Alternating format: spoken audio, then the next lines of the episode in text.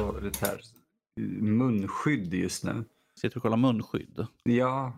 Uh, det är rätt intressant för det skiftade pris från 95 kronor och då är de inte i lager till 915 kronor och då finns de i lager. Wow, ah, jo. Uh. de måste vara riktigt bra. Mm, det är vanliga sådana här blåa, ja, som man ser överallt. Låt, typ... låt, mig gå och hämta lite toapapper och tejp så tror jag att jag kan göra någonting som är lika bra faktiskt. Eller hur? Jag tycker det är rätt fascinerande att folk fortfarande är så här. Nu tjänar vi pengar på det för nu har vi mängder av sådana. Det är intressant. Ja, jo. Men jag har ju sett folk som bara har liksom en bandana runt truten och tror att det hjälper. Så. Ja, gud. Ja. Särskilt de som inte tvättar dem efteråt heller. Det är, så här, det, det, det är one use, det är en anledning till det. Tvättar du inte efter användning så spelar det ingen roll vad det är. Mm köpa mig en fet här, gasmask bara och byta filter varje gång jag varit ute. kommer vara dyrt som Det som i Metro, det låter mer som... så här, du får ett filter så får du 20 minuter tid utomhus. Exakt. Det är så det funkar. jag tänkte så här, gasmask låter nog mer Kalle-grej sådär.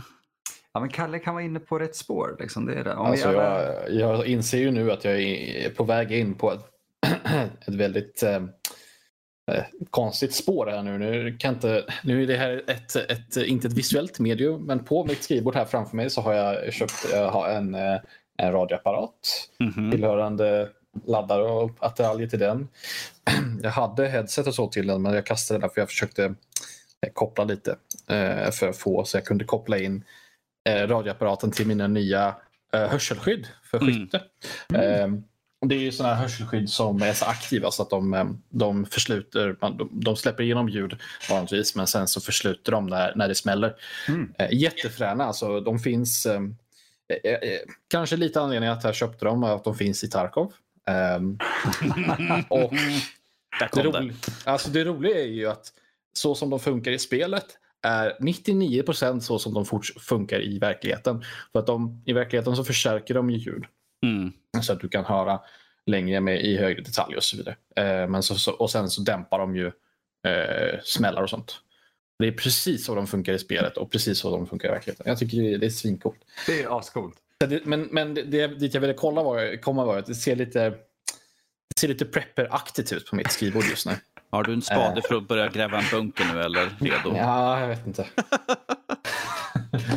alltså jag, jag har ju varit inne på lite samma grej sådär. Ja, men det där är coolt, det där vill jag ha. Det var innan eh, hela virusgrejen skedde. Och nu känner jag mig verkligen bara som ett prepper egentligen som har så här, vissa saker liggande. Så bara, det där kan, mitt spritkök kan komma till användning ändå. Det är inte bara hiking här. Ja. Jag ska köpa soldatens ärtsoppa.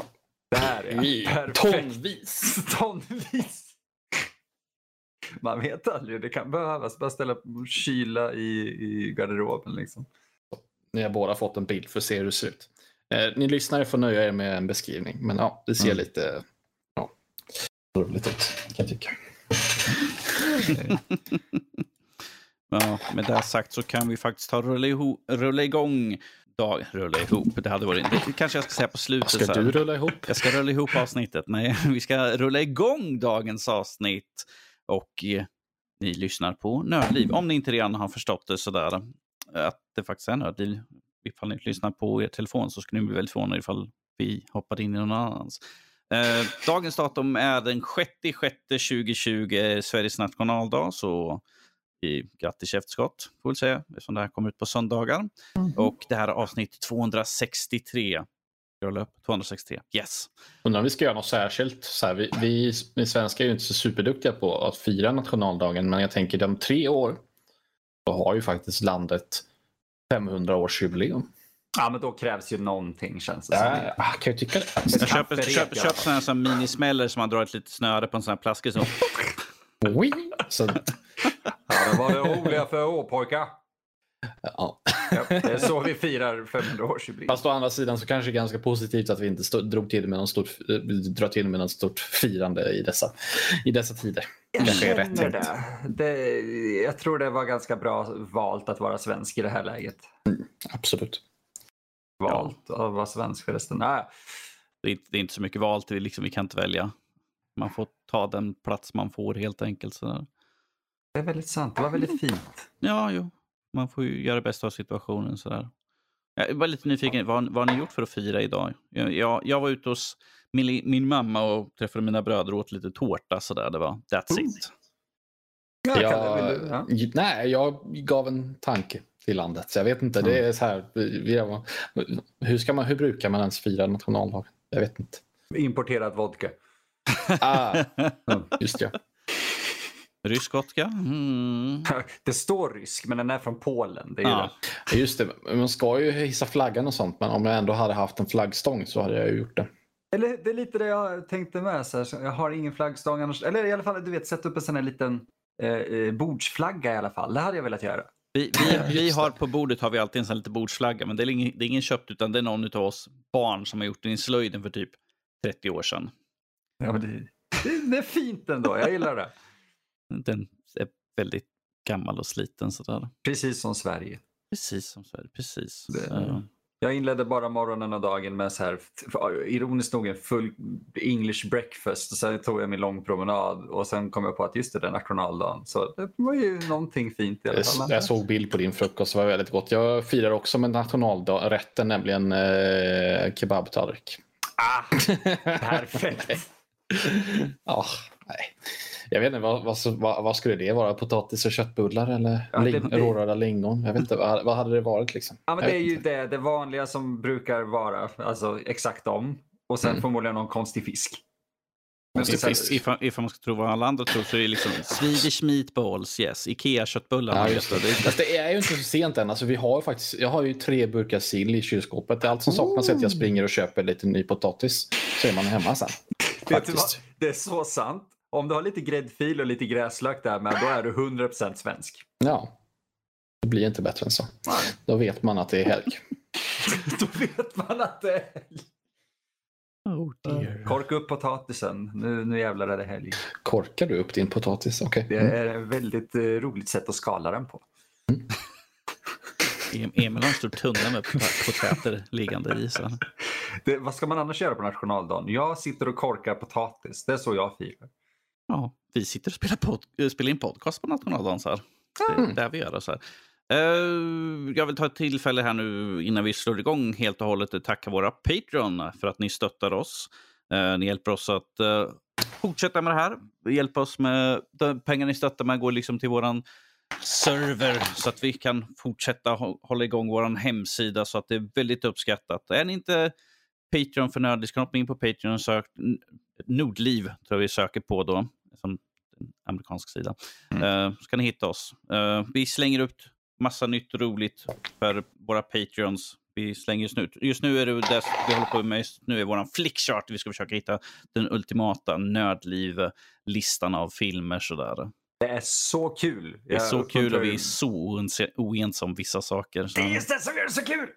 Och det är statistik som avgör eh, liksom, i slutändan. Och jag tycker definitivt att ni ska in och lyssna på det. men- menar, när folk kommer med lite puffande bowlingfilmer, då vet jag inte riktigt. Oj, eh, oj. ja, då, ja. Puffande bowlingfilmer är typ det Gud gav oss.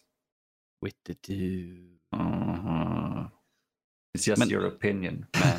Man. Precis. Men återigen ett stort tack till våra Patreons. Mm. Och det sagt så kan vi hoppa in. Idag kommer vi titta, prata lite grann om eh, Old Gods Rising. Vi kommer att titta lite grann på My Virgin Kitchen, eller Emils kök som vi brukar kalla det vanligtvis. Sådär. Eh, lite Factorio och sen lite kommer jag bara kort nämna lite Assassin's Creed. För jag har faktiskt haft tillfälle. Kort. Jag vad sist vi kort skulle nämna Kort, Factorio sist jag under var med. tusen ord. Oj, Ja. ja, det är där inte mycket när det gäller tal, Danny. Så att, eh, jag ska sitta här och räkna. Du sitter med en sån här klicker samtidigt. Sådär.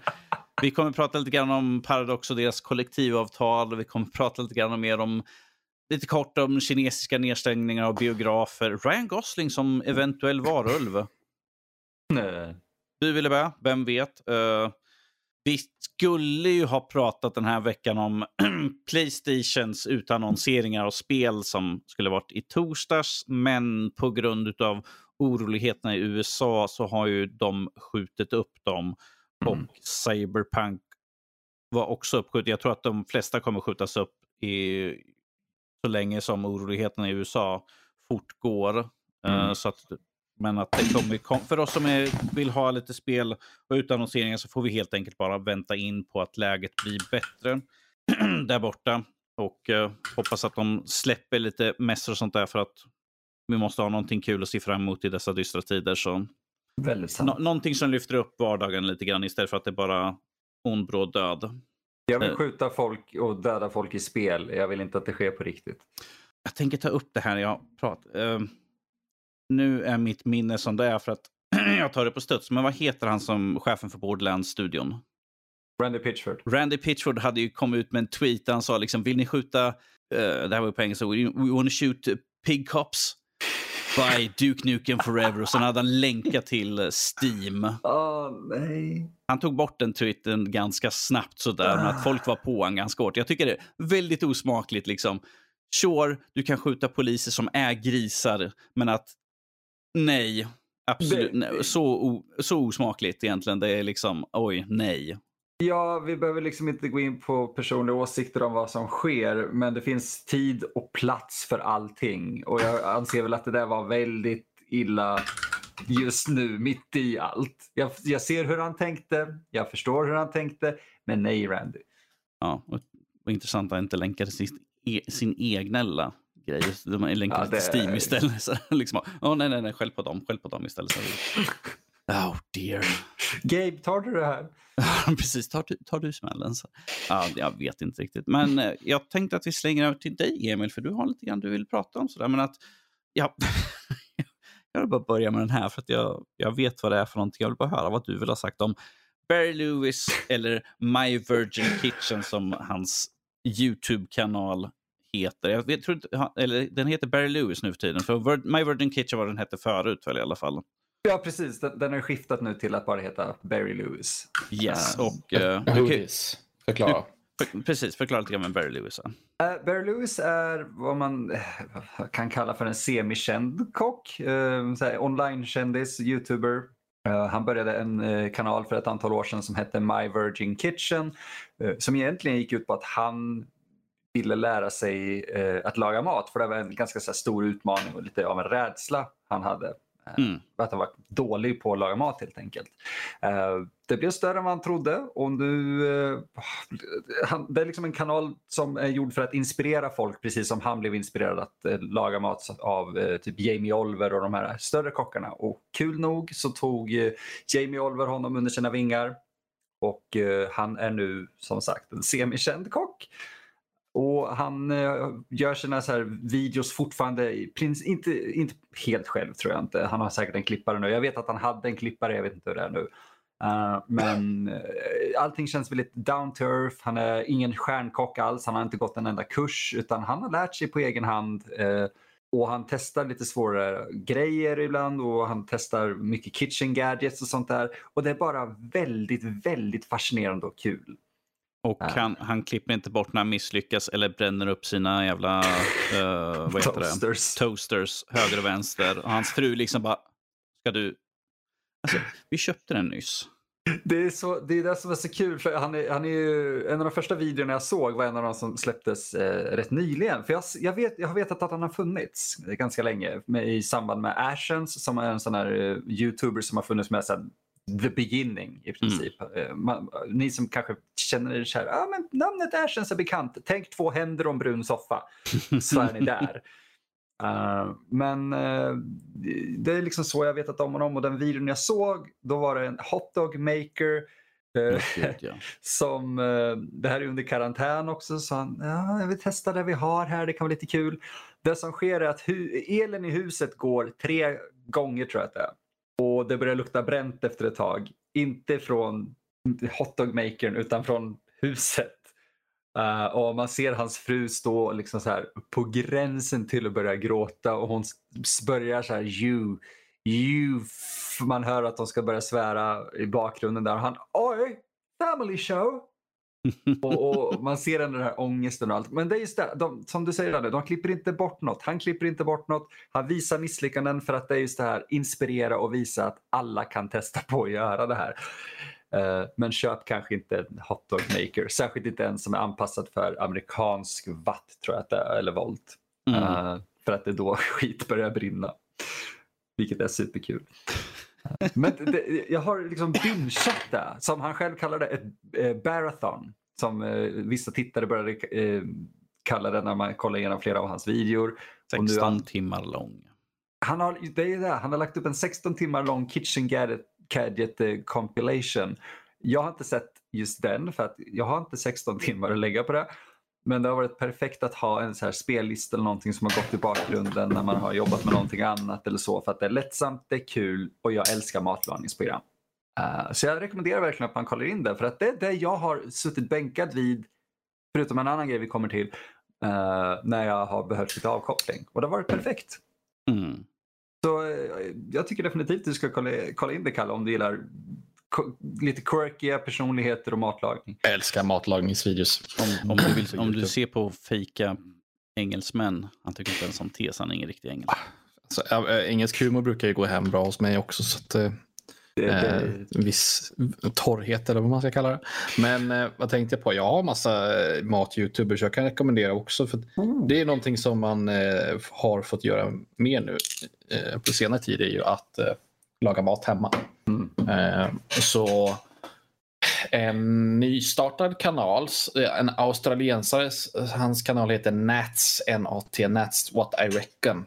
Han är så här, eh, typisk australiensare eh, som eh, har startat ett krig mot eh, halvfabrikat. Säger att, så hela tanken är att han, man inte ska göra man inte ska köpa så här färdig, färdiglagad mat utan man ska laga den själv.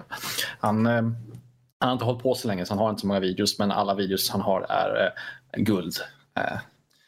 Och sen så har jag en annan amerikanare som har hållit på så här, som jag hittade av en så här ren slump precis när han började producera matlagningsvideos. Eh, så har jag följt med han sedan dess och han har hållit på kanske lite mer än ett år. Han heter Adam Ragusia. Eh, starkt rekommenderat honom också. Han, eh, ha, han har ju hållit på ett bra tag så han har ju lyckats förfina vad ska man säga, video, videoskapandet lite grann. Så han har en väldigt professionell utseende på sina videos vid det här laget. Mm. Jämfört med eh, i början. Så där har du två, mina två rekommendationer. Men jag ser alla, alla hans, eh, alla, eh, vad heter han? Barry Lewis. Jag ser alla hans videos framför mig. Här finns det hur mycket som helst. oh ja, det är över ett och fem videor tror jag. Mm. Jag ser också vad du menar. Det ser eh, typiskt... Eh, jag vet inte vad man ska kalla det, men ehm, det är inte särskilt... När man, jag vet inte hur man ska beskriva Det är, ingen, stilen. det, är, det är väldigt så här, jag gör det här i Det stunden. är väldigt simpel ja, produktionskvalitet. det är liksom, han ställer upp kameran och sen tar han bara liksom, hallå! Och jag tycker Inte det, Ja. det, det är lite skönt. Det är lite down to basic igen för mig i alla fall. Absolut.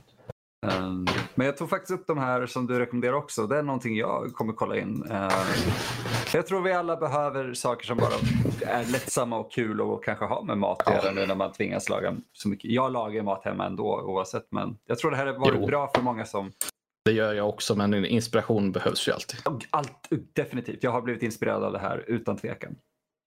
Jag gjorde en enorm havrekaka som inte blev bra. Ja, jag, såg, jag såg, eh, såg din bild på den. Ja. Yay! Den, den föll sönder så fort jag hade tagit bild. Men, då, men alltså, hade du typ slängt det där i en skål eller någonting och sett det här, det här är hemmagjord müsli eller något?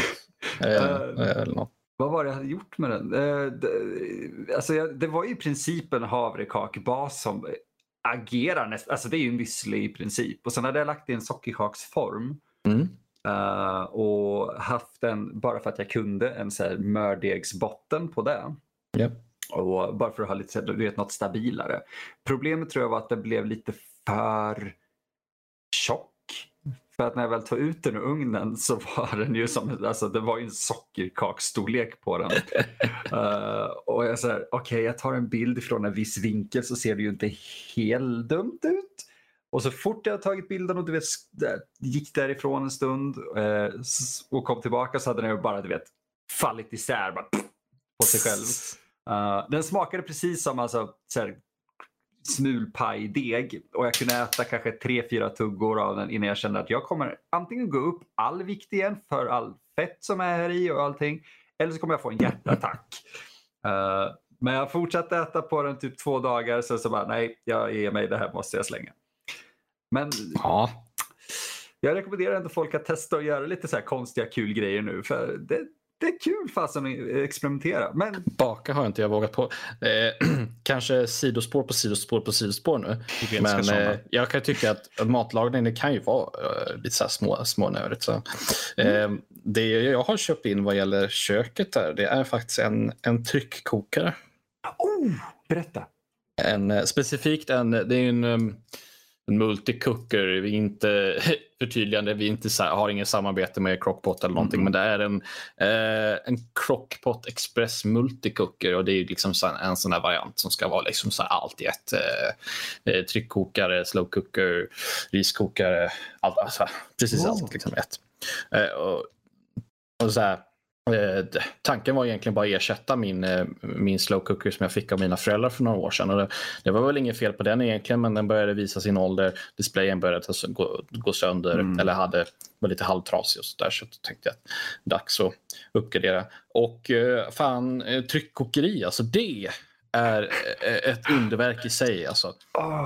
För du kör ju, vad som händer är när du, du kör det i övertryck så då, då, då kan du komma upp i högre temperaturer. För vanligtvis när du står och kokar någonting på spisen, det kan inte bli varmare än 100 grader. Mm.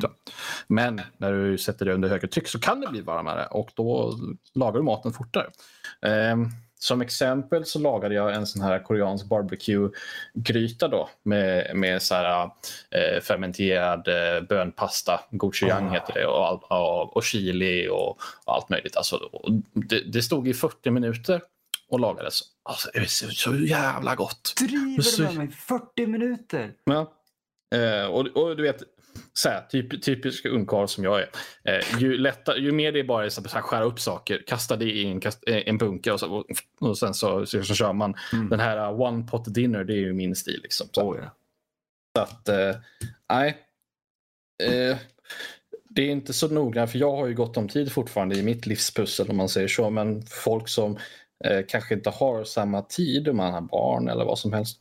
Eh, så kan jag starkt rekommendera att, eh, att man införskaffar sig en tryckkokare. 100 procent. Jäklar vad kul. Jag har funderat på det här faktiskt. Så. Mm. Mm.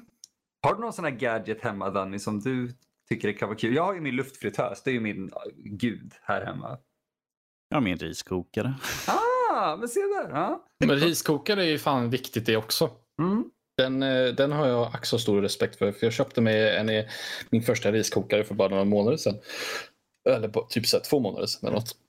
Alltså det blir ju så jävla bra. Det blir ju Oh, perfekt. ja. Alltså det finns ju ingen, det, alltså vilken bondtölp som helst hade kunnat göra rätt. För det, det finns ju bara, det är bara skölja riset, in, mäta, eh, in med det på, på och sen så har du färdigt ris om 20 mm, 20-30 minuter. Alltså, Det, går, det blir ju inte lättare än så. Det, Nej, och du, Fantastiskt. brä- du bränner ju inte skiten heller ju. Så. nej, nej. Vilket- och det, blir nästan jag bara godare om det får och stå. skrubbat väldigt många kastruller med svint och liksom få ur skiten som är i botten. Och riset blir nästan bara godare om du får stå och liksom gosa till sig lite eh, extra tid i, Mm. i riskokaren eh, några, några minuter efter att det är klart. Mm. Så det, nu var jag klar med det sidospåret. Tryckkokare är jävligt, det är en fantastisk uppfinning som jag rekommenderar. Du, du och dina tryckkokare.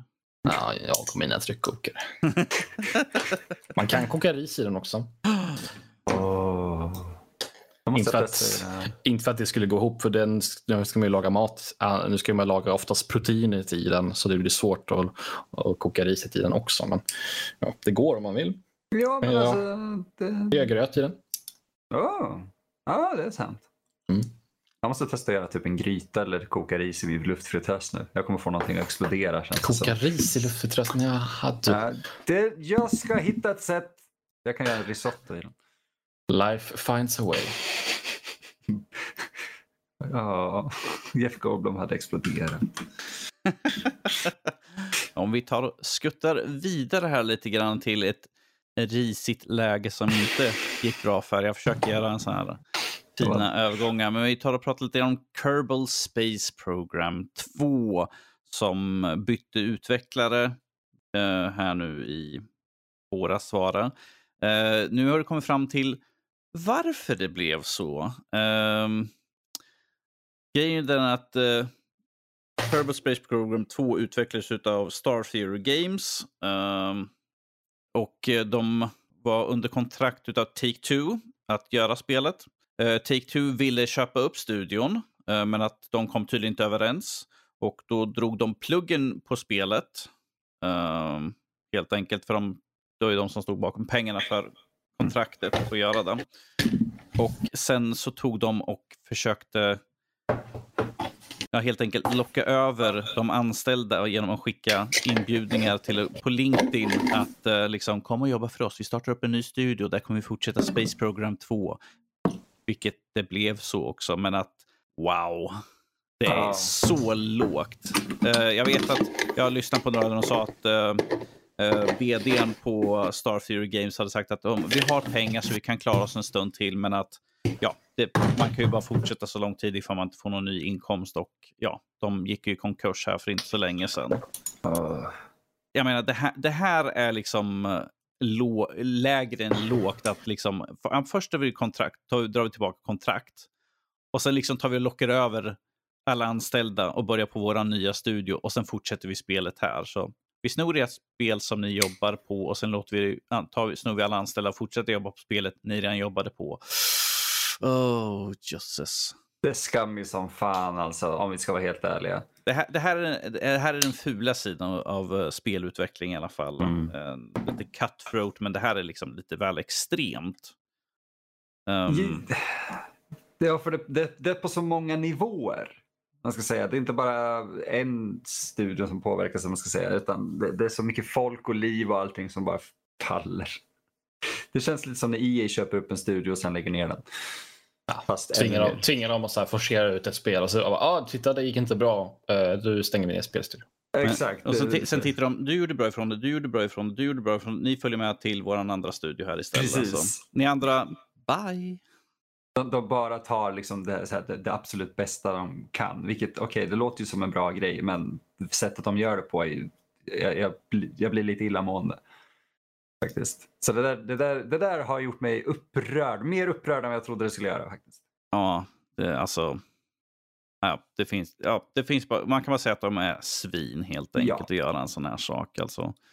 Och jag menar, studion, den nya studion består av hälften av de som jobbade på spelet tidigare. Så. Men att, ja. Mm. ja jag, jag, finns inte så mycket mer att säga, förutom att de är liksom nötter där rakt upp och ner. Så här. Uh, vi kan ta och gå över till lite film. Uh, det här är en rapport om att de tror att mer än 5000 uh, eh, biografer i Kina kan stängas ner och de räknar på det är nästan 28 000, alltså bioskärmar då. 5000 biografer med sammanlagt 27 nästan 28 000 bioskärmar extremt. Jag, jag, är lite nyfiken, hur många har vi i Sverige egentligen? Jag vet inte. Det, vi, vi måste, tänkt... jag, jag skulle gissa på att vi har betydligt mycket mindre än det. Åh oh, gud ja. Ja, så att det är som att de skulle stänga ner kanske Sverige dubbelt upp på alla biografer. Ja, jag skulle nog säga ännu mer egentligen. Ja. Men, men, men det, det, det, är så, om man tänker efter hur stort Kina är med både liksom ytmassa och befolkning och allting. Så det, det är sjukt hur mycket biografer som kommer gå i stöpet där. Mm. Vi förstår ju varför, men wow. Det, det kommer ju ändra så stora... Det kommer få sådana ekonomiska heter det, konsekvenser om vi tänker efter. För att mycket av USAs liksom, export av film är ju till Kina. Mm. Det är ju mm. de som är så en enormt stor marknad, så wow. Det är där de räknar att få in de stora pengarna ju. Det var där Warcraft-filmen gick med plus liksom. ja, men det är ju ett väldigt stort spel. Det här är cirka 40 procent av alla deras biografer. Wow! I Kina och de räknar med att årets inkomst kommer vara ner 91 procent.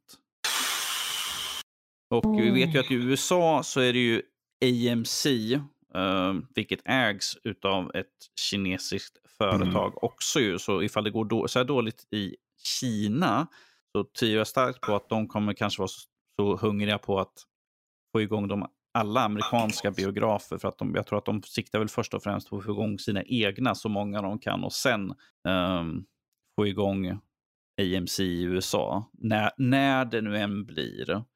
För än så länge allting är lockdown och uh, Alltså jag har ju läst liksom att de har gissat sig till att det kanske startar upp i höst. Eh, försöka starta upp biografer och sånt. Men jag känner mig hemskt skeptisk till det hela. Eh, jag, jag tvivlar starkt på att vi kommer få igång biografer i världen i år. Ja, det kommer det absolut inte ta mm. sig i år. Jag vet ju att det är många filmer som ligger liksom bara väntar på att bli släppta på bio, men att ja, de, de får nog tyvärr hålla sig ett tag till. Ja, för alltså vi hade ju ett par stora releaser i år. Jag, jag kommer inte ihåg alla, men jag såg exempelvis väldigt mycket framåt Spiral, alltså kommande så-filmen. Inte bara för att det är en så-film utan för att det var bra människor bakom den. Jag, den tror, jag trodde du skulle säga Fast and Furious. Ah, dessa moderna klassiker. Ja, okay, jag kan inte klaga på det när jag säger att jag ser fram emot typ så 10. Så, uh, men uh, den sköts upp ett år. Mm. Av uppenbara anledningar. Men det är så, alltså hela branschen har liksom bara den, den, har stand, den är på standby. Vissa yes. filmer har släppts ut på, på vet det, streaming och sådär. Invisible Man exempelvis som vi kommer att återkomma till lite sen. Men de biljettpriserna bara på streaming där du måste betala 200 spänn per tittare är ju rätt galet också. Så jag, de är ju verkligen desperata om att få det att funka och jag tror inte att 2020 kommer vara ett bra bioår eller få en avstamp på någon nystart eller någonting. Jag, jag vet inte om du har koll på det här, men Oscarsgalan, är den uppskjuten? Jag tänker på grund av allt det här. Uh, jag, jag tror... tänker, det kan ju inte vara tillräckligt mycket film som har släppts för att vi ska kunna ha en Oscarsgala. Precis. Eh, det senaste jag hörde var att den i alla fall upp, jag, jag, Det är inte min grej egentligen på det sättet. Men vad jag hörde var att den är uppskjuten för att det just finns ingenting och folk ska inte samlas på det sättet. Mm. Samtidigt, det är ju många festivaler fortfarande som har skett.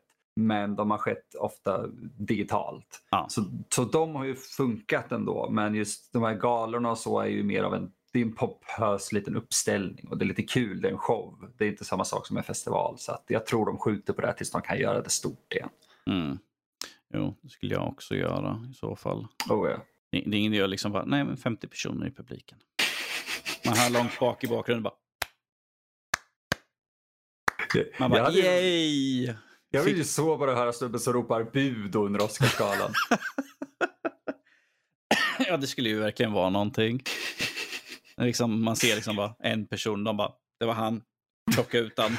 Oh, ut, ut med den jäveln ser, ser hur de så springer och jagar ner den stackaren medan kameran zoomar ut. Åh oh, nej.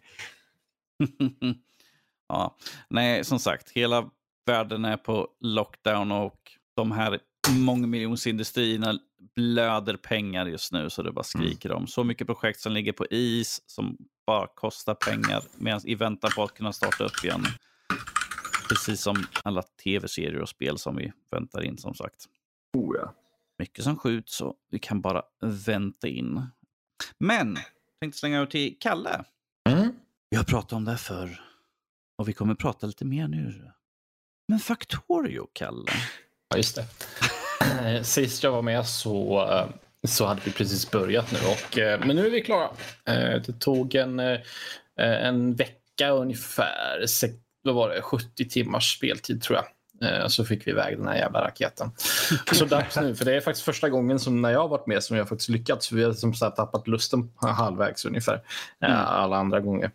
Factoria för mig i alla fall är ett sånt spel som jag så här, sugs in i totalt och så spelar jag kanske ja, x antal timmar, 50, 60, 70 och sen bara släpper jag det helt. Eh, för man tror bara liksom tappar lusten helt. Men nu, det var faktiskt riktigt kul den här gången. Jag fick, fick bygga i och med att vi var, vi var fyra stycken som körde då, så fick jag fokusera på mina tåg som skulle då ut och hämta upp eh, råvaror runt om i världen och eh, forsla dem in dem till fabriken där de sen skulle, skulle bearbetas. Det är riktigt jävla roligt faktiskt, måste jag säga. Uh, och uh, hur var det nu? Det skulle, Factorio närmade sig en 1.0-släpp, men det är lustigt nog så ska, de, ska det släppas tidigare än det var ursprungligen var tänkt. Yes. Eh, för att, detta för att undvika Cyberpunk 2077. Vilket är en liten rolig, rolig tanke. Det är liksom när folk bara, Factorio Cyberpunk. Ja, alltså, mm. det, det, är så här rolig tanke liksom. Bara, men man tänker, men, ja, visst. Men det, grejen är att Cyberpunk är ju enormt stor grej. Så det kommer ha påverkan på alla spel. Jag tror du kommer- kunna se det. Liksom, att i, Mm. i statistiken på många spel kommer gå ner. Och sen så har folk kunnat spela igenom Cyberpunk och så går det upp igen och återställer sig till det, liksom det vanliga. Så att, eh, ja, Eh, jag förstår att, eh, att även Factorio-utvecklarna har respekt för Cyberpunk. Mm. Det är nog smart. Smart att släppa 1.0 kanske. Inte något annat stort släpp Ja. sådär. Det har vi ju sett Det, föregående år liksom när Ja. spel hamnar mitt emellan två storspel. Man bara, det där kommer inte sälja bra. Mm. Vilket- det är ju en, det är ju en pengafråga egentligen, Mm. om, man, om man tänker så. Så att, absolut, ja. Men eh, du hade kul i alla fall och nu när du äntligen fick lyckas skicka iväg raket i alla fall. Mm, jag fick faktiskt eh, sitta och, och, och gnälla lite på, på eh, mina kompisar. Bara, så här, nu, när vi, när vi, när vi, sista så här svängen där, vi hade någon, någon grej kvar att bygga. Vi skulle bygga liksom raketsilon silon och så här börja bygga på raketdelar. För man gör det, man bygger en raketsilo, plonk, plonkar ner den och sen så matar man den med raketbränsle eh, och så liksom raketdelar och sådana här saker. Mm. Och så bygger den en raket och så skjuts den iväg. Och det var typ det vi hade kvar att göra och en sån insats det, ganska, det liksom skulle ta kanske en, en kväll. Eh, men de bara, men vi spelar Hearts of Iron, äh, vi spelar Civilization bara. och jag bara, nej, nej, nu ska vi bli klara här. jag har inte betalat 150 spänn för att det ska falla, rinna ut i sanden den här, den här gången också. det var det jag betalade, det var det jag betalade för server, serverhostingen. Ah, oh dear. Ja, ja. Ja. Om det är skönt när man får avsluta någonting i alla fall sådär. Ja. Laggan i topp. Jag ser fram emot att se vad de har att hitta på, vad, slutklämmen blir för det spelet. Om de kommer släppa nå- några mer grejer, alltså om det kommer mer content eller om de anser att det, det är färdigt och det bara liksom är finpolering kvar. Mm. Eh, så ja, vi får se vad som, vad som komma skall. De kom- De kommer ut annonsering bara, nu ska vi komma med massvis med DLC och expansioner och skit. Där. Men eh, ja, vi, vi hörs på Game of the Year eh, avsnittet då. Ja, just det. Så, Ja, just det. den- Ja, just det. Den är ju fulländad nu. Släpps i år. Jajamän. Ja, ja, okej. topp 10. Kom ihåg, rösta bort allt Kalle har att säga om Factorio. Den räknas inte. det är lugnt, jag fick en faktur eller en check heter det, så det, jag fixar den. Bra, bra, bra. bra. Kor korrupta nördliv liksom. Vi tar räknar bort Kalle bara. Liksom, nej, Kalle ska Ja, nej, nej. Är ni inte snälla så går jag, då går jag i, i maskopi med Max i så fall. Åh, Bara så att nej. ni vet. Gud, nej. det, det skulle vara... Det, det, det där är triumfkortet, det var S kände jag. Mhm. Ja, ja. Är, är det på det sättet? Ja, ja, okej. Nej, men Kalle, vi hör inte det. Nej, Ka- Ka- Kalle försvann nu. Nej, nej, han försvann bara. Liksom. Han- Han blev kickad och bannad stenhårt från våran server. Jag slår på radion här, jag ska se om jag kan hitta någon som, som, som prasslar lite. Gud. oh dear, sådär. Men om vi tar och pratar om leka runt lite grann. Emil, Ja. City Skylines. Mm. Bygga lite grann där Mm. också. Hur många timmar har du hunnit lägga? Eh, det blev inte jättemånga ändå. Jag tror jag har lagt... Nu kommer mellan- det typ 800 timmar. Nej, men, men typ 10, 10 eller 15. Okej, ja, men... Mm, ja. Det är en session alltså. Eh, jag önskar att det hade varit där för att jag, jag fastade verkligen inte. Är det så? Jag, jag, ja, jag, blev så, alltså jag blev så besviken på mig själv. Egentligen. Jag tror det, jag, det är sånt där spel man verkligen behöver sätta sig ner med vara ostörd. Fick du, tog du inspiration från någon annan att spela det här eller kom det från en blixt från klar himmel och, och så? Eh, lite som en blixt från en klar himmel. Alltså, jag har ju saknat något, någon, ett bra eh, citybuilding-spel helt enkelt sen typ SimCity 2000. Eh, Ja, för- SimCity 2013 var ju liksom inte så mycket att hänga i julgranen. Så. Exakt. Så sen dess har det varit lite hit och dit, upp och ner med det där. Men sen Cities kom ju 2015 och jag sa Mm. okej, det här är bra. Sen priserna var lite sådär, åh, vågar inte, så här, om jag inte kommer att tycka om det så vill jag inte lägga 500 spänn på det. Eh, sen fanns det ju nu på Humble Bundle och kostade typ, ja, eh, jag, jag tror det var en, eh, ja, pay, pay Betalar man minst en dollar eller sådär så, så Mm. fick man basspelet och då tänkte jag Mm. okej, nu kan jag inte klaga liksom. Eh, så jag spelade och och efter eh, ett antal olika misslyckade sessioner så kände jag bara att det här är någonting jag måste sätta mig ner med ordentligt. Jag kan inte sitta och göra, alltså svara på saker samtidigt till telefon eller via mail.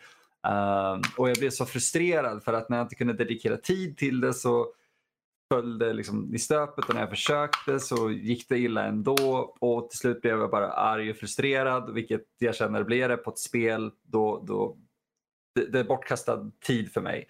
Uh, så jag måste tyvärr säga att jag tyckte absolut inte om City Skylines i den mån jag spelat det än så länge.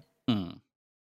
Och det gör mig ledsen. Jag tror du ska prata lite grann med Fredrik. Jag vågar inte. Kan, Ja, eller Erik har ju fastnat för det Erik, också. han har, han har ju byggt en massa sådär. Kolla den bilden han lade upp eh, på sin stad. Bara, jösses, han, någon har lekt runt en massa.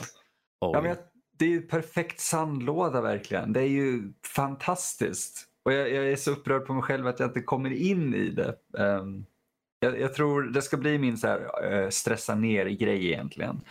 När, när det enda som händer är att jag blir lite upprörd och säger "Ha, ja, det var lite jobbigt. Jag länge du inte gör misstaget som, som jag gjorde och förgiftade mina invånare med deras egna bajs så är det nog inget problem. Det var exakt det som hände Men ett par gånger. jösses, my god.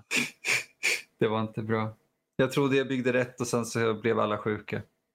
Det var sorgligt.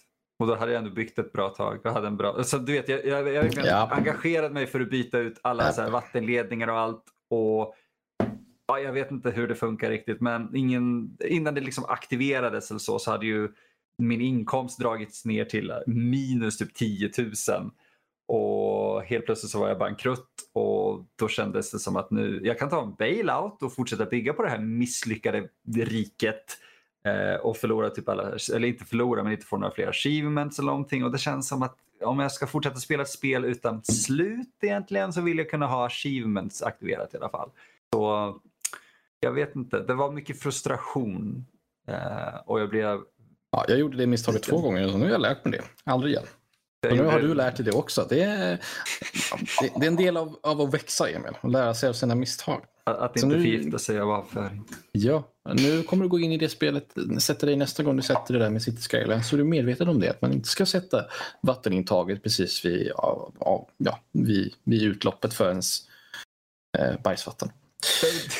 Så långt var jag ju med, men då gick det illa på andra vis. Det bara kändes som att allt var emot mig. Eh, Men det är det, jag är villig att ge spelet en chans till om kanske ett halvår. Oj, så pass. Mm. Ja. Fredrik, Fredrik kan guida dig.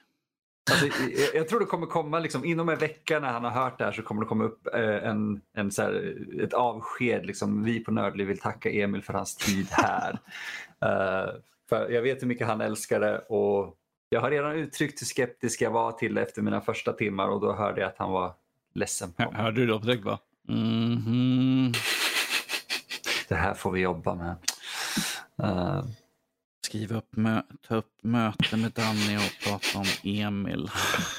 det var så han skrev liksom. Han var, Okej.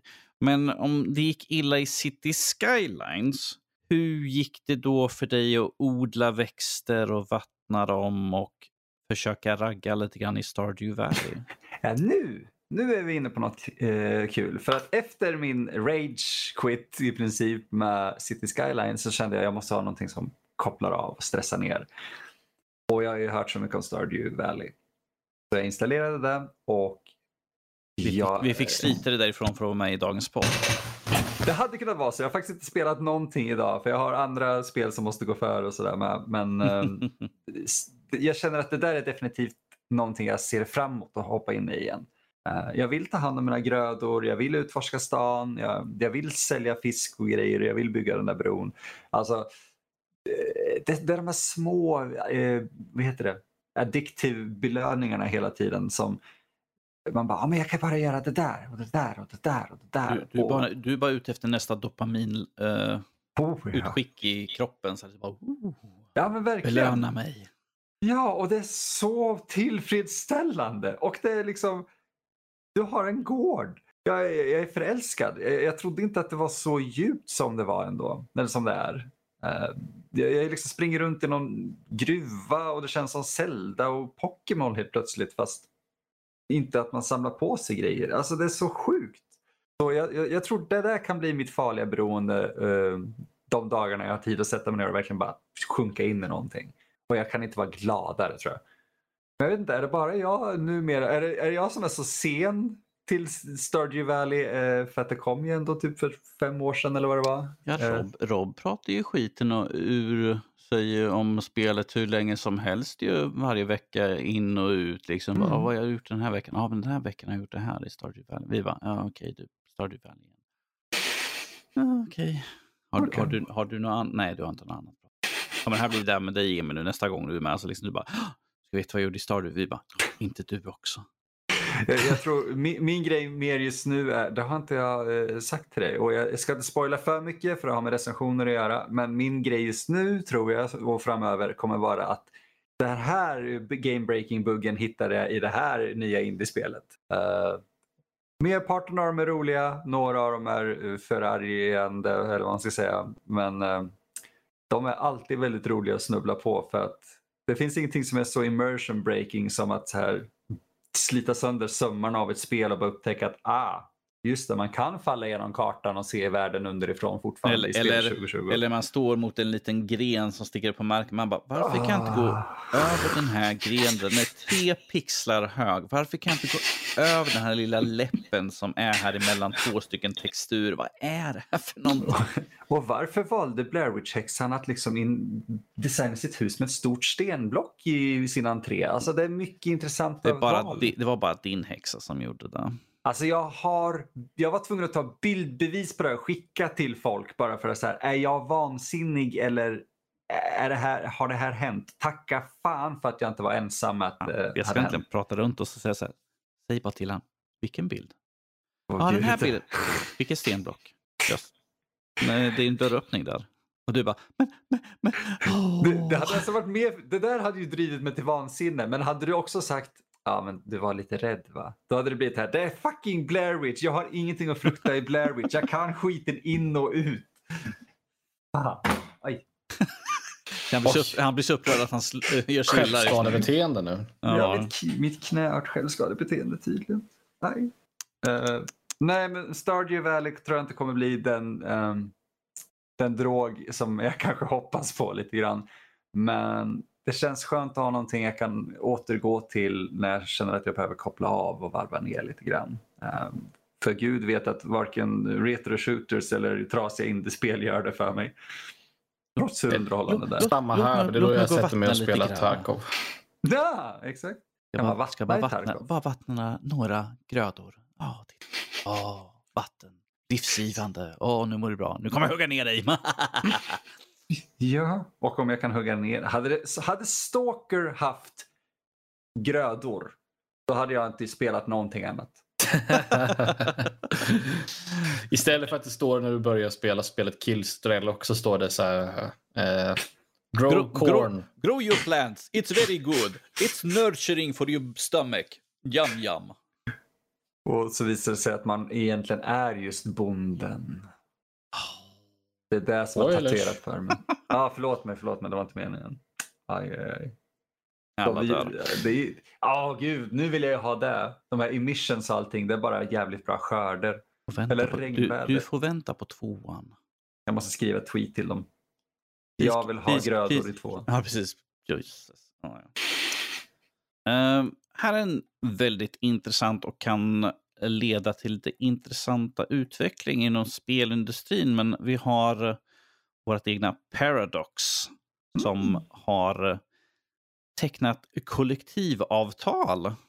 Det är inte vanligtvis man hör mycket om kollektivavtal eller fackförbund i Hej. spelindustrin. Unionen represent, det är det fackförbundet jag är med i. Mm. Du, Det är du, du är stolt där. Ja, jag är, alltså, Samma jag, är med, i- som jag är med i styrelsen. Jag är arbetsmiljöombud och hela skiten. Så att eh, fackförbund är viktigt.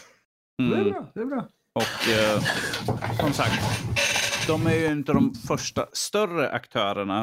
Eh, för ifall jag ser någonting, det står någonting om fackförbund eller försök till att skaffa fackförbund så ser jag vanligtvis att väldigt många personer får sparken eller någonting åt det hållet. Mm. Eller, Mm, att så de, eller, eller att de i- hotas i med att USA få i sparken. Ja. Mm. Ja, absolut. Men jag tänker liksom så här, Paradox är rätt stora. Och jag tänker ifall vi kan få fler aktörer som också skriver, eh, som ingår kollektivavtal eh, med något fackförbund. Så kan ju det spridas ut över ifall de ser liksom, ja men titta på Paradox då. Det blir ett, ett, en, en, en visst normaliserande om inte annat. Jag är bara förvånad att, inte, att just eh, de svenska spelarna, alltså att de inte har eh, gått med i fack och skrivit på ett kollektivavtal tidigare. Ja, det är lite det jag funderar på med. Ja, för att vi har ju nu tänker jag låta väldigt elak mot USA, men vi har ju lite bättre fördelar här borta än vad de har där borta. Tveklöst. vi har ju inte folk som liksom blir hotade höger och vänster av chefer och sånt. Liksom att, um, ifall, du, ifall du går med i facket då kommer du få sparken rakt upp och ner. Liksom att, ja, praise be loss, säger jag bara. Ja. Jag menar, det finns så mycket fördelar uh, att göra så här. Så jag hoppas att fler, fler av våra svenska studios också går med. Och uh, det blir liksom, det rör om i grytan och de ser ju i de an, i andra länder också gå med så att vi kan få att folk får liksom jobba under anständiga eh, omständigheter. Liksom att de får behandlas väl, få rätt lön och allt det roliga som ingår i det hela. Utan tvekan. Um, så jag ser det som ett stort plus, ett, ett stort steg framåt. Jag hoppas liksom att vi får se de nästkommande veckor, månader, att vi ser att fler också tar ta tag i det hela. För att Sverige är en väldigt stor del av spelindustrin. Vi har väldigt många stora studios som gör mycket bra spel. Så jag hoppas att det kan liksom visas ut och se liksom att de här, de här har, varför har inte vi? Hmm.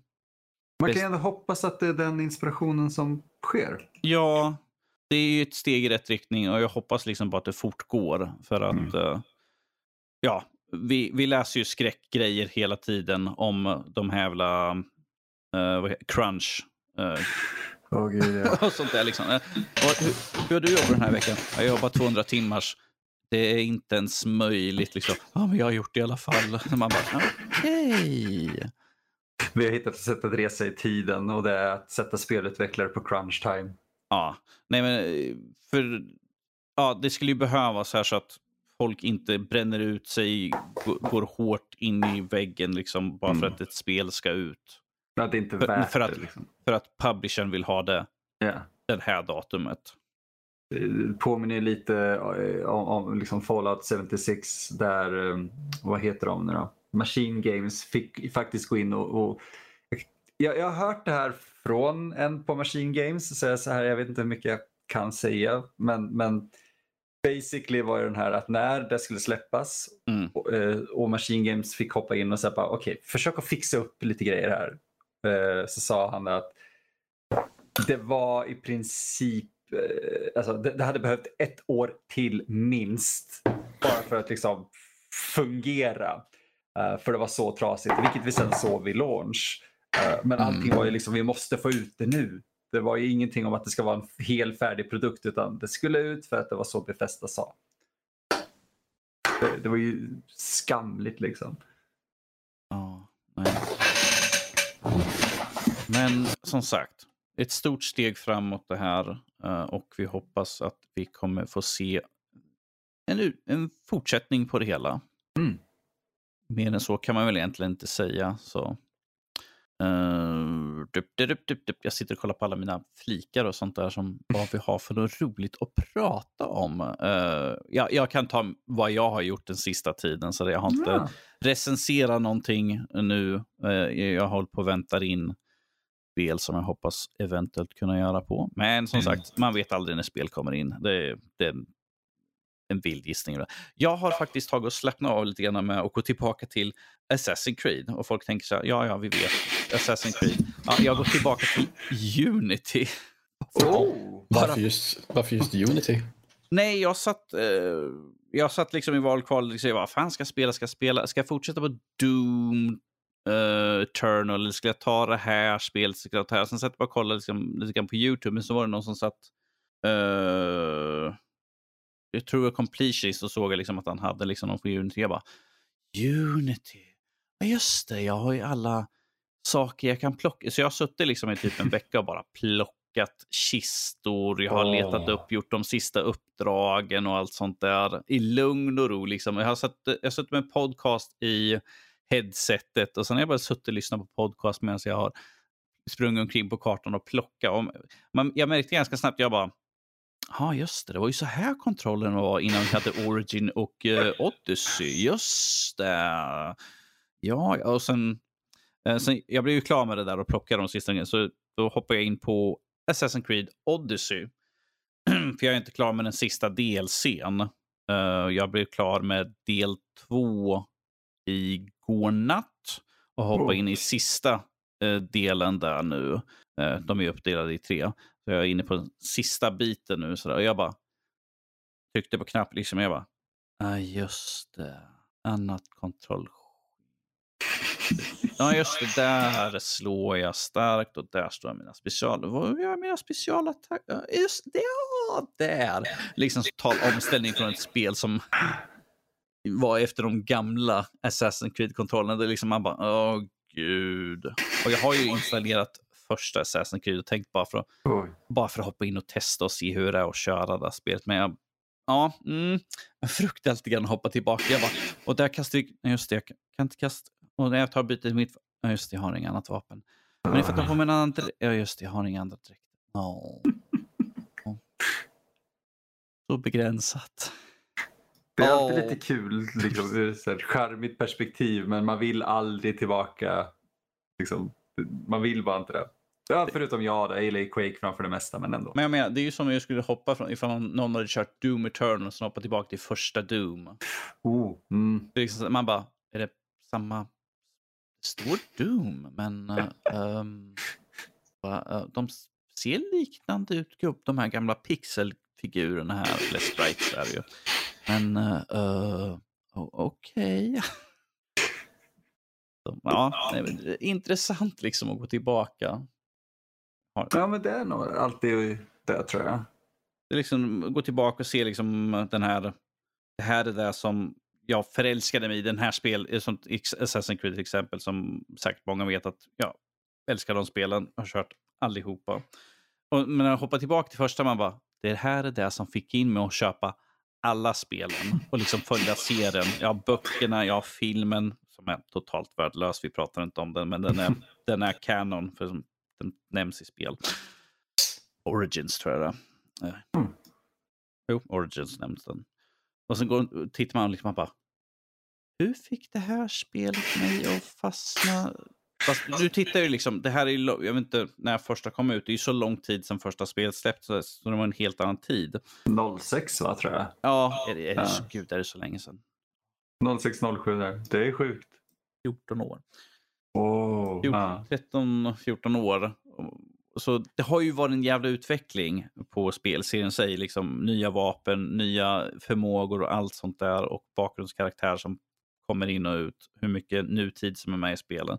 Men liksom gå tillbaka och titta på spelen som fick in i en sån här serie som har hållit nu i 14 år och vi väntar nu in Valhalla som förhoppningsvis kommer snart.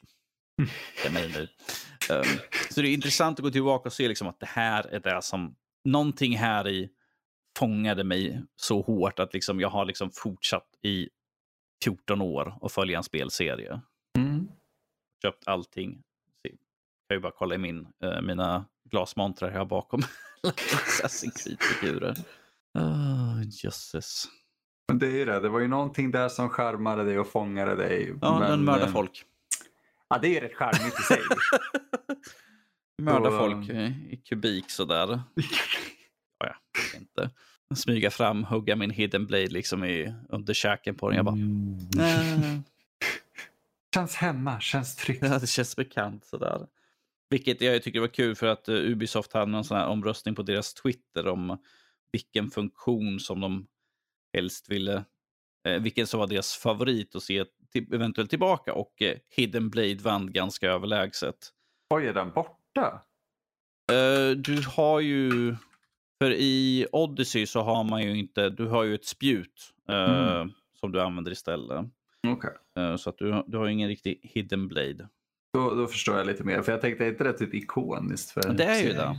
Mm. Konstigt nog så äger inte jag en enda sån här uh, som man kan köpa med en hidden blade. Det, det är lite weird. Jag är väldigt förvånad faktiskt. jag har The Apple of Eden, jag har eh, Leonidas Spear stående här borta i hyllan med alla andra. Har du en Hookblade då från eh, Revelations? Det är ju det, jag äger ingen sån. Jag äger ingen Hookblade, jag äger, äger ingen Hidden Blade. Värld, världens roligaste liksom, scen när man blir introducerad till There is two parts of the Hookblade. The hook and the blade. Man bara ja, absolut. Ja, just det. Ja, ni hör ju, kära lyssnare, vi behöver er hjälp på Patreon. Hjälp Danny att samla ihop alla vapen från Assassin's Creed. Vad var det för specialutgåva till, till Revelations? Uh, mycket bra fråga. Special, eh, vad ska man säga? Collectors, Collectors edition. edition. Ja, har du Collector's Edition på alla, medan Kalle letar upp det, har du det på alla spelen? Uh, jag har alla typer, Collectors edition har jag, men på en del har ju Collectors edition inte varit den ultimata ju. Mm. För till exempel Unity så har inte jag den ultimata, för, det hade, det, för den hette Guillotine edition. Mm. Och då stod Arno framför en giljotin. Uh, jag kommer inte ihåg vad min heter, men att det är inte den ultimata, det sörjer mig lite grann. Och jag tror Brotherhood har jag inte heller. Den fick man, det såg ut som en liten vit kista. Där fick man med en DVD som hade uh, en, några såna kortfilmer baserade på spelet. Några extra grejer. Assassin's Creed Revelations Templar Collector Edition. Då är det bara Ah. en staty på, på Ezio. Hans svarta och röda utstyrsel. In, ingen Hookblade. Ingen Hookblade till dig Danny. Ja, nej. Jag har ju visserligen figuren. Ju, så. Jag, har ju, har ju, jag har ju någon utgåva med det där. Som sagt, det är många spel, många utgåvor. Uh, allting finns inte framme för att det är så. Måste ha fler montrar. Du behöver snart en större lägenhet om du ska ha det. Jag tyckte jag sa här förut att jag skulle ta väldigt kort, tusen ord liksom och bara prata om att jag spelade lite Assassin's Creed. Sådär. Men det, det, det går bra. Jag stuck ifrån det lite grann. och Sådär. Men det är intressant att se en sån lång serie. Mm. Och sen man bara, ah, just det. Fick tillbaka, vad är det? Två spel i serien. Och det är liksom så här, ah, just det, det är ett helt annat kontrollschema. Åh. Och sen skulle jag hoppa tillbaka i Odyssey. Jag bara, ja, nu har jag ju vant mig förra kontrollschemat. Åh. Suck. Dagens, dagens ilandsproblem. Ja, men jag gick ju ifrån att spela Silent Hill Downpour till att spela Silent Hill Homecoming. Och där hade de också, det är ju olika utvecklare, men de hade kast, kastat om kontrollerna så drastiskt. Emil, Emil I'm sorry att du spelar dem. Men du vet, jag älskar tvåan, det är ett av mina absoluta favoritspel någonsin. Så jag bara försöker hitta kicken och det finns inte. Det här Danny, det finns inte. yes. Eh, Vi, nu skuttar vi vidare från uh, min nostalgitripp här över Assassin's Creed och alla mina jävla figurer. Eh, Kalle, Mm. Asimov. Ja, eh, vidare uppföljning på, på saker som jag har, har pratat om eh, tidigare avsnitt. Du sa att jag hade inhandlat lite böcker. Det var Roadside Picnic till Emils eh, glädje. Ehm, och det var, vad ska vi säga, Sniper One är en krigsmemoar såklart. Och sen så var det eh, Isaac Asimov, The Rest of the Robots. Och det är den som jag har börjat, eh, börjat läsa. För den är ganska lättsmält om man säger så. För det är ju massa små det är eh, short stories. Ehm, och uh, Isaac Asimovs lite mer kändare eh, verk det är ju iRobot. Eh, och det här är ju egentligen en som man skulle kunna säga en spirituell upp- uppföljare på samma sätt att den, den boken är ju också en, en samling korta berättelser. Mm. Och eh, nej, jag har eh, liksom läst en berättelse i taget liksom på kvällen innan man ska, ska sova och verkligen kommit att uppskatta det. Särskilt nu i, i den här boken, The Rest of the Robots, så, så är det mellan varje berättelse så är det en liten snippet från uh, Asimov själv när han pratar, berättar lite så här när han skrev den och lite hur den publicerades, ursprungligen berättelsen och, och lite hur han tänkte och sådär. Han är väldigt så här, lättsam i, det märks att han var en väldigt, nu, nu hittar jag inte riktigt eh, ordet, men modest, alltså han är inte så, han, han, han Han är ödmjuk. ödmjuk ja, med sig själv. Precis. Eh, och det är jättekul eh, Mm. att se. han berättar en rolig historia som jag måste bara berätta om. Att han hade en, en, en, en jag kan berätta om, om själva berättelsen sen också. Men han hade en, en historia som hette Let's Get Together. Eh, där berättar han innan då eh, man kommer in i själva berättelsen så, så sa han då att men den hade blivit publicerad i den här tidningen Amazing Stories. Då. Men sen så blev han bemött och så frågade om men, eh, kan vi få publicera den här eh, berättelsen igen, sa en tidning och Asimov han sa ja, ja han var medgörlig. Han, sa, han, han tittade inte så noga vad det var för någonting. Men det visade sig att det var en, det var en porrtidning som ville ha hans sci-fi berättelse. Underbart. Ja. Alltså det... ja, men du vet, man, man läser ju bara de för uh, artiklarna. Mm, ja, självklart. Så intressanta intervjuer och djupa, hårda sci-fi. Det ser ut som utomjordingar ibland, det kan vi inte ljuga om. Ja. Mm. Nej, oerhört bra. Och sen så, så här, jag är ju inte så här, eh, först med att prata gott om Assevo, det kan ju vilken idiot som helst sitta och göra. Så, här. så att, eh, eh det är jättebra på, på alla sätt och vis. Och han, eh, han, han går in på det själv också när han konstruerar de här tre, tre lagarna hur eh, de hade tillräckligt mycket spelrum då för att de, att de inte, just att de inte är perfekta och de går att leka med, de går att förvränga vilket gör att då finns det, finns det oerhört stort utrymme för, för olika berättelser också. Eh, så det är ju det allting kretsar om oftast i de här, att de här tre, tre three laws of robotics, att de inte riktigt fungerar som tänkt alltid. Det är alltid, det är alltid kul när så klassiker upptäcks av någon annan. Så det är så här, det, det, är bara kul att höra när fler folk säger så här, ja, men det är så många som har pratat om det och alla vet att det är bra. Man bara säger ja men fortsätt prata om det, man blir så glad. ja, det som jag uppskattar mest med Asimov, så här, särskilt med, med de här uh, korta berättelserna nu, så jag har upptäckt liksom ett mönster och det han sätter, han, han uh, presenterar en, en, lite av en gåta, lite så här, en, en lite kuggfråga liksom, som, som är den här äh, berättelsen Let's Get Together. Det utspelar sig någon gång i framtiden. Det, det har växt fram två, jorden är liksom uppdelad i två nationer, eller supernationer. De kallas oss och dem bara. För att eh, all, alla andra relationer sedan tidigare vad gäller liksom väst och öst, de är inte så relevanta längre. Så de, man anser att det är bara lättare att säga oss och dem. Mm. Det, är vi, det är vi och dem. Liksom. Och då eh, följer man liksom säkerhetsrådet eh, i, eh, då, alltså i, i, USA får man väl säga att det blir då, alltså i, i oss. Eh, mm. Det utspelar sig i nutidens USA. Det är ett säkerhetsråd där och man har fått, fram, fått in information att, att de, den andra nationen, har skickat mer eller mindre självmordsrobotar. De presenterade det som så att amen, det är tio stycken eh, robotar som ser ut som människor som har skickats till det här landet och när de kommer tillsammans så kommer de liksom sprängas. Och då sitter de först och liksom diskuterar bara, ah, vad, vad kommer de attackera och, och sådär. Men de kommer fram till att så här, men vi ligger så mycket efter. Eh, oss, vi, vi ligger så mycket efter i utvecklingen av robotar för vi har ingenting i, i närheten av det här med, med eh, att eh, robotar som, som är humanoider som eh, inte kan särskiljas från människor. Så långt har inte vi kommit än. Så då måste vi, nu måste vi lägga ner allt krut vi har på att komma ifatt. Eh, så nu måste vi samla alla våra, eh, nu, då säger en karaktär att vi måste samla alla våra vetenskapsmän.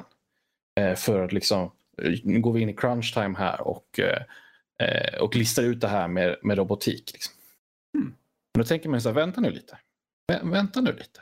Sa, sa du inte precis att robotarna, om de samlas, tillsammans. Då, det är då de kan sprängas som en atombomb och eh, orsaka oerhört stor skada. Mm. Ja, då visar det sig att en av de här eh, karaktärerna i säkerhetsrådet är en, är en robot själv, en förrädare. Och en av de här robotarna, självmordsbombar robotarna. Då. Mm. Och det, det, är så här konstant hela tiden i de här berättelserna. Att man presenteras en gåta, du får lite ledtrådar. Jag fick lite misstankar liksom, med tidens gång jag läste det här. Det, här, det är inget riktigt som hänger ihop här. Det är någon twist som kommer här snart och sagt gjort. Så. Och det är lite så, det är lite samma, det är lite genomgående hans berättelser. att Först så får du lite ledtrådar och sen presenteras liksom svaret på, på gåtan hela tiden. Så man blir väldigt engagerad som läsare. Särskilt när de är lite kortare. Så då, då kan man lätt ta sig an en berättelse i taget. Utan att det ska vara så här, ja, du ska läsa Lord of the Rings, ett stort epos på tusentals sidor. Liksom. Ja. Om man vill ha något lite lättsmält. Alltså jag föredrar Ja. också de här kortare, lättsmältare, A till B, punkt slut. Mm. Jag kan ta det på en kväll. Det är också smart att för de här böckerna, eller berättelserna, de, de utspelar sig i samma universum mångt och mycket. Och ofta med samma karaktärer. Så att du kan, de kan, kan ju tekniskt sett fortfarande skapa en, en större berättelse om man skulle vilja det. Eh, också. Men eh, ofta så är det ju centrerat kring en, en särskild, eh, en, en väldigt avgränsad händelse. Nej, jag, jag gillar de här böckerna starkt. De är riktigt bra. Riktigt bra. Mm, där har ni. Varma rekommendationer helt enkelt. Lite grann att läsa nu i tristessen när man inte får springa Jag tror det är nyttigt. Jag, som jag sa tidigare tillfälle att ja, jag har jobbat så mycket hemma, sitter så mycket framför datorn hela tiden. Så, Mm. eh, inklusive nu. Så att, eh, att eh, typ ta semester och åka bort lite, hälsa på föräldrarna så kan jag sitta och läsa lite där istället då för att sitta framför datorn även där.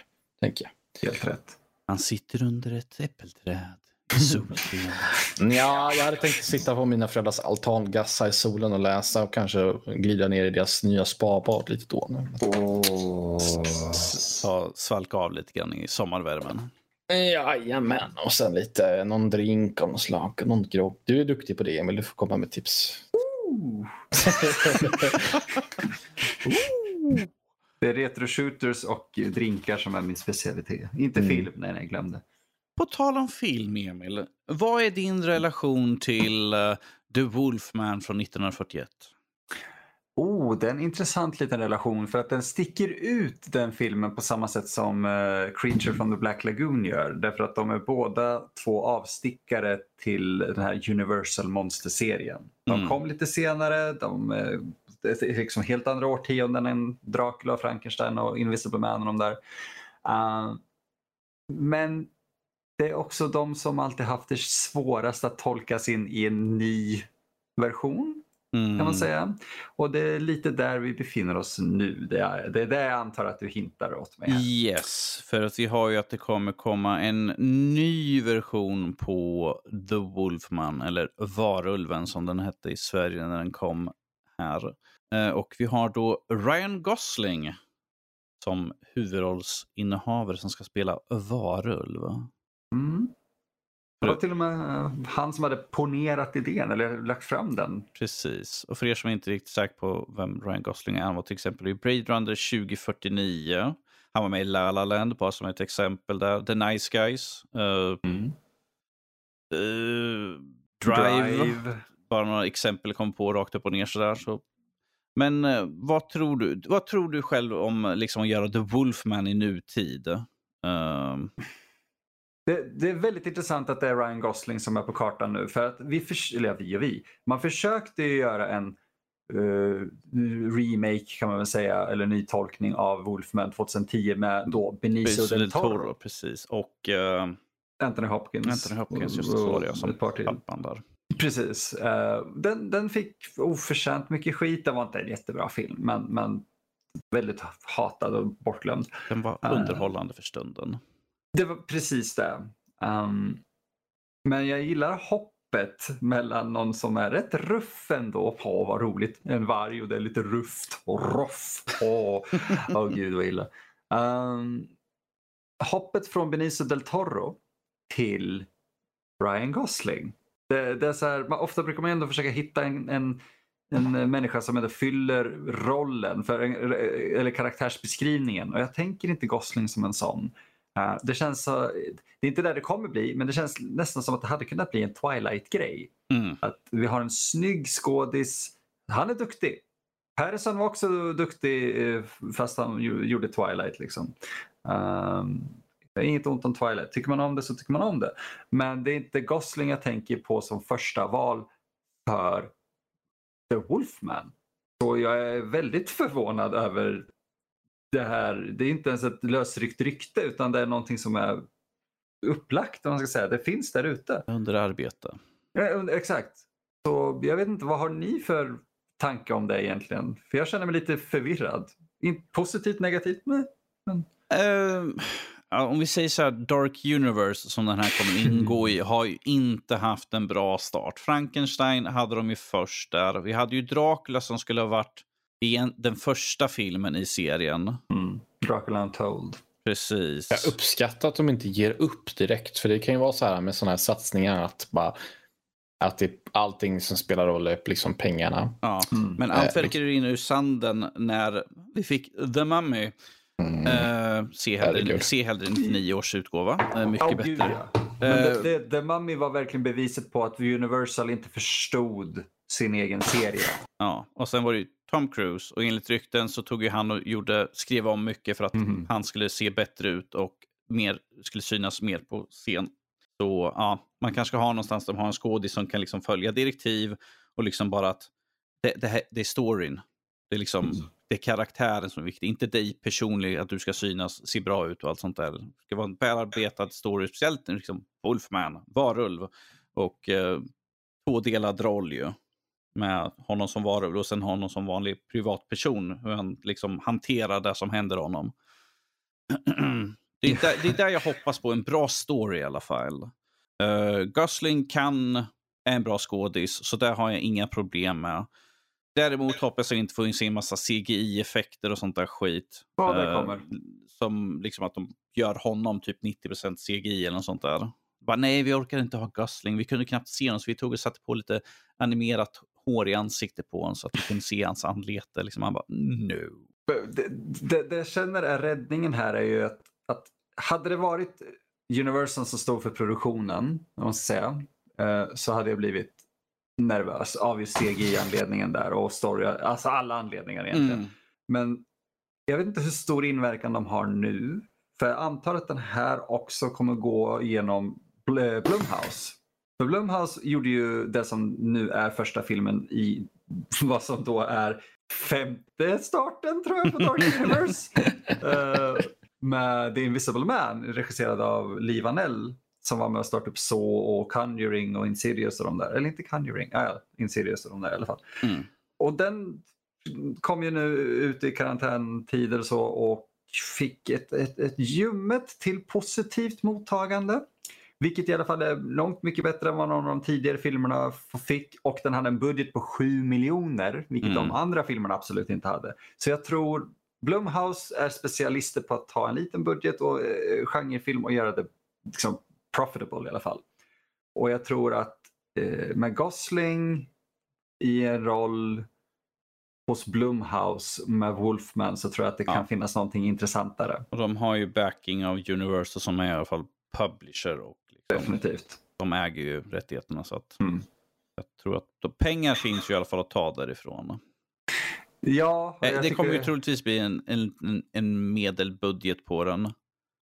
Det, det, ja, exakt. Och det är lite intressant för medelbudgetfilmer sker inte längre egentligen. Men jag tror vi kan sikta på, säga att det kommer bli kanske 10 miljoner. Ja, någonting där omkring. Men som sagt, Blumhouse de kan det här med att budgetera sina filmer i alla Mm. fall rätt bra. Så Oh, ja. där har jag ingen rädsla alls att de kommer misslyckas på att hålla sig inom budgeten i alla fall. Budget och genre. Precis. Ehm, vi tar den sist, eh, näst sista grejen för dig här. Dig Emil. Mhm. Sherlock. Åh, denna ljuva Från, karaktär. från, från, från varulvar till Sherlock här nu. Det är Ja, jävla hopp här nu. Hur Ja, binder vi ihop det? Det kan vi binda ihop. Därför att Hound of Baskerville. Ah, just det. Ja, exakt. Glömde För den den. tolken, ja, men det, är, alltså det är så många historier. Det är ju typ tre noveller och 40 short stories eller vad det är. Så det är rätt, det är rätt mycket grejer. Ja, vi har köpt till min, till min äldsta trillingbror. Har vi köpt liksom, eh, vad heter han? Basil? Eh, Eh, Ja, uh, heter han bara Basil Mus? nej, inte Basil Mus. Alltså han som spelade eh, Sherlock på 60-70. Oh, Basil Rathbone? Basil Rathbone, vi köpte hela den Sherlock Holmes-samlingen med alla hans Oh. filmer. Så brorsan är rätt nöjd sådär. Oh, det förstår jag. Oh, Aha. Gud vad coolt. Den kostar en bit, men Yeah. brors, brorsan blev nöjd i alla fall. Så. Det Men- kan vara värt det. Men, men nu är vi på en lite modernare med Sherlock. Mm, eh, exakt, för vi har ju fått lite moderna tolkningar. Eh, vi har ju haft Sherlock Holmes då med Rob Downey Jr och Jude Law. Mm. Eh, vi har haft Elementary. En- Och jag, jag har hört blandat och jag tror inte att jag skulle gilla det. Den känns väldigt amerikansk. Men om, om jag, vi säger så här, jag gav upp på den serien för jag bara, nej. oh, jag får med mig det i bakhuvudet. Ja. Du, titta, tillbaka till- titta ja. först och sen avgör. Mm. Ja men precis, det är lite det jag tänker Mm. att jag får göra. För jag vill inte döma någonting innan, för jag dömde lite Sherlock så innan jag såg Sherlock faktiskt. för att det var så här, ja, de gör en modern tolkning av det här, alltså 2010 när det kom och jag var ju väldigt återhållsam. Eh, det är det att eh, Steven Moffat och jag kommer inte ihåg vad den andra heter. eh, men det är en annan snubbe. De är ansvariga för säsongen av Doctor Who som kom, eller rebooten av Doctor Who som kom ut 2005. Mark Eh, Gattis. Mark Gattis, tack så mycket. Och de har ju varit väldigt här, populära med, med vad de har gjort. Jag tror att när de tog sig an Sherlock så visste de exakt vad de skulle göra med den. Och det märks i alla fall att de är extremt pålästa på sitt källmaterial. För att serien Sherlock träffar rätt på så många punkter. Både som en eh, referens till sitt källmaterial med typ att tolka Hound of Baskerville på ett väldigt modernt och ganska briljant sätt.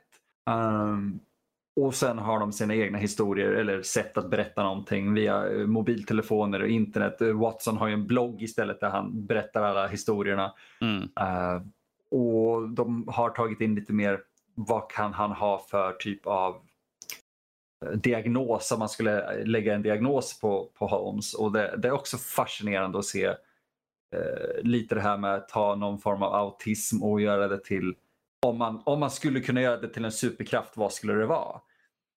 Och jag, jag, det, det är någonting med den serien, för jag satte mig ner och såg den nu tillsammans med Elisa, som de flesta vet vem hon är nu. Uh, för hon hade aldrig sett den innan. Mm. Och jag tänkte, ja, jag kommer väl sitta och liksom fnissa, för jag vet hur det slutar med de här grejerna och sådär. Alltså jag satt ju och var lika inne i det och tänkte, så här, jag kommer ihåg hur vissa avsnitt slutar, men så här, hur, hur fan kom de dit? Hur var det där hände igen? Så båda satt helt klistrade.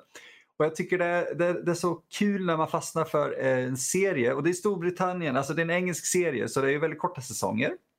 Och det är ganska långa avsnitt. Så jag tror varje avsnitt är en och en halv timme långt, 1,25 ungefär. Så det är som en film. Uh, och tre avsnitt per säsong. Och det är så jäkla bra paceat allting. Jag tror det är fyra säsonger och en special. Så det är så här, fan folk, ut och titta på det här. För att har ni inte sett Sherlock och ni har hört gott om det, då har ni ingenting att förlora här. Det, det, Benedict Cumberbatch och uh, Martin Freeman i en briljant liten duo som Sherlock Holmes och respektive Watson. Mycket bättre än, än Downey-filmerna och då tyckte jag ändå första var rätt okej.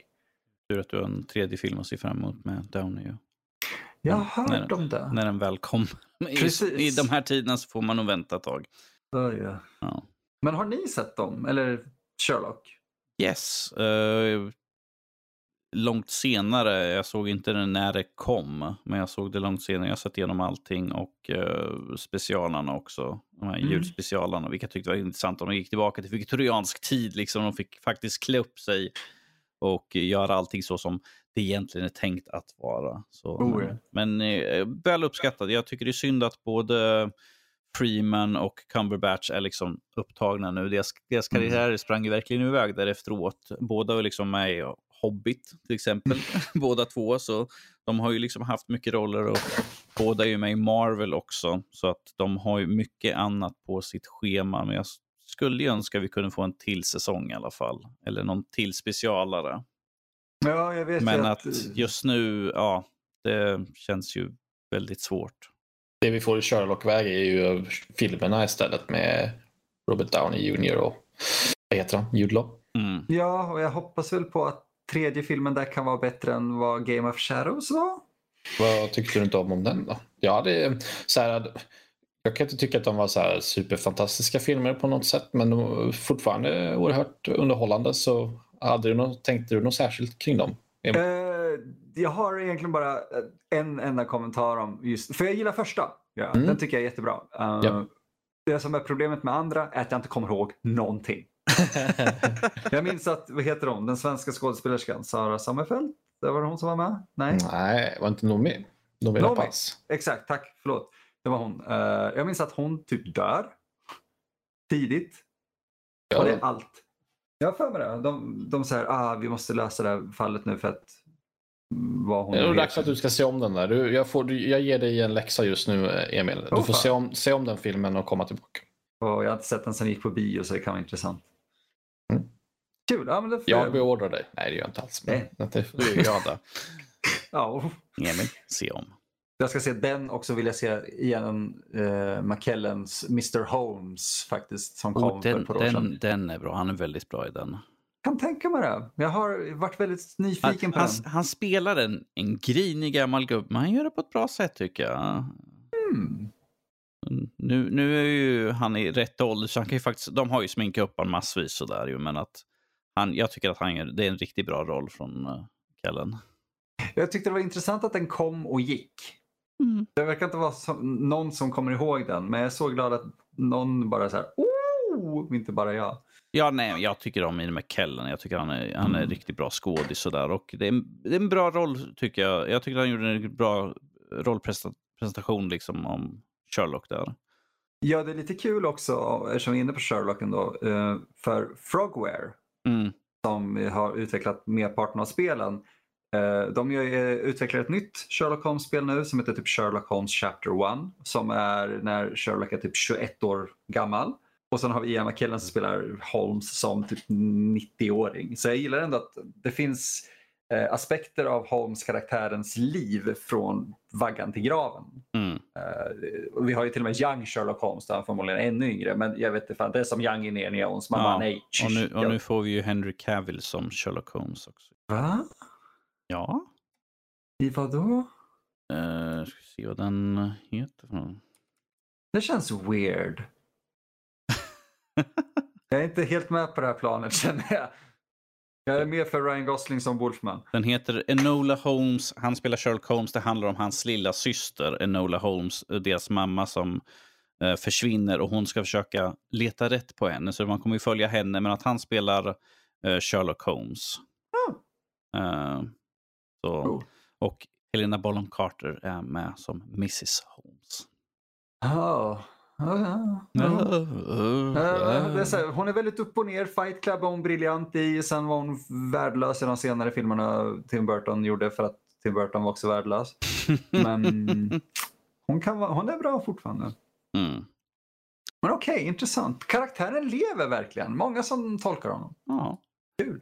Det, det, det, det går ju alltid att göra någonting nytt på Holmes så att säga. Och det finns massvis med böcker så man kan ju alltid ta en ny och sen liksom twista lite grann. och Ta in, som de gjorde med Sherlock, liksom, in i nutid. Eller liksom Mm. gå tillbaka och göra sin egna twist på det hela. Och det är det jag tror vi alla, om vi kopplar tillbaka till just Sherlock, att man, man uppskattar det. Det är bekant men det är någonting nytt och det är innovativt och det är nog det man vill ha när någon tar ett, ett välkänt namn eller varumärke och gör någonting nytt av det. Mm. Jag, jag tänker tänk, ta hoppa in på sista sakerna här nu för dagens del. Ehm, det här tycker jag är lite intressant. Uh, det här är liksom, det beskrivs som Playstation 4 framåtkompatibelt. För att eh, alla som utvecklar spel just nu, ifall det är indie eller AAA-spel och sånt där, från och med juli så måste de vara kompatibla med Playstation 5. Så att ifall, du, ifall du gör ett indiespel så måste det kunna fungera kanske på både PS4 och måste kunna fungera på PS5 beroende på vilket det kanske släpps till. Men det som jag tycker är roligt är att Sony samtidigt gick ut med att vi, de, de spel vi gör som kommer komma på PS5 kommer inte vara bakåtkompatibla med PS4 som till skillnad från till exempel Xbox. De har ju sagt att spel som kommer släppas nu kommer släppas på både eh, Xbox One och, kun, och, finna, och kunna vara på Xbox One Series X. Men att där är liksom fram, där kan du antingen spela på Xbox One eller på Series X. Medan Playstation 5, är det ett Playstation 5-spel, då kan du bara spela på Playstation 5. Men att spel ska väl liksom vara framåtkompatibla, men ingenting ska vara bakåtkompatibelt som är för P- PS5. -man. Mm.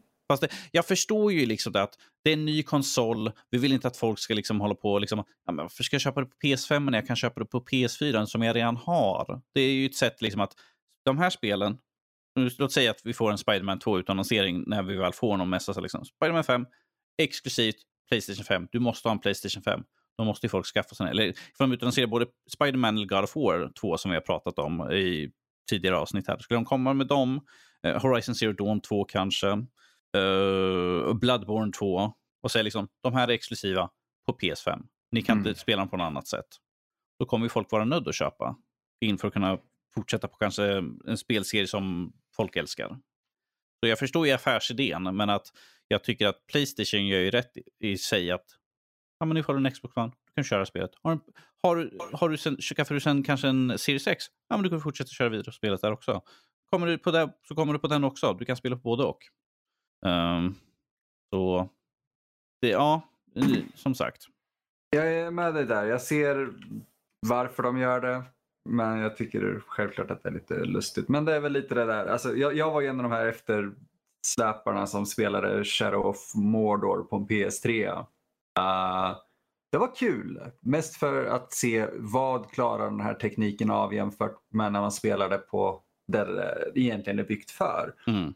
Uh, men samtidigt blir det ju någonstans där att man måste klippa av navelsträngen från det tidigare bara för att inte hänga kvar allt för länge. Eh, men jag i den här övergångsperioden så tycker jag det är lite lustigt ändå att fan ge folk valet lite grann. Att testa och spela det på en nedbant, alltså en nedbantad version helt enkelt på grund av att det inte är optimalt för den hårdvaran på PS4 men sen erbjuder det här bättre. Särskilt om det är digitalt. Ja, om du har köpt, jag vet inte vad, God of War 2. Du har köpt God of War 2 till PS4.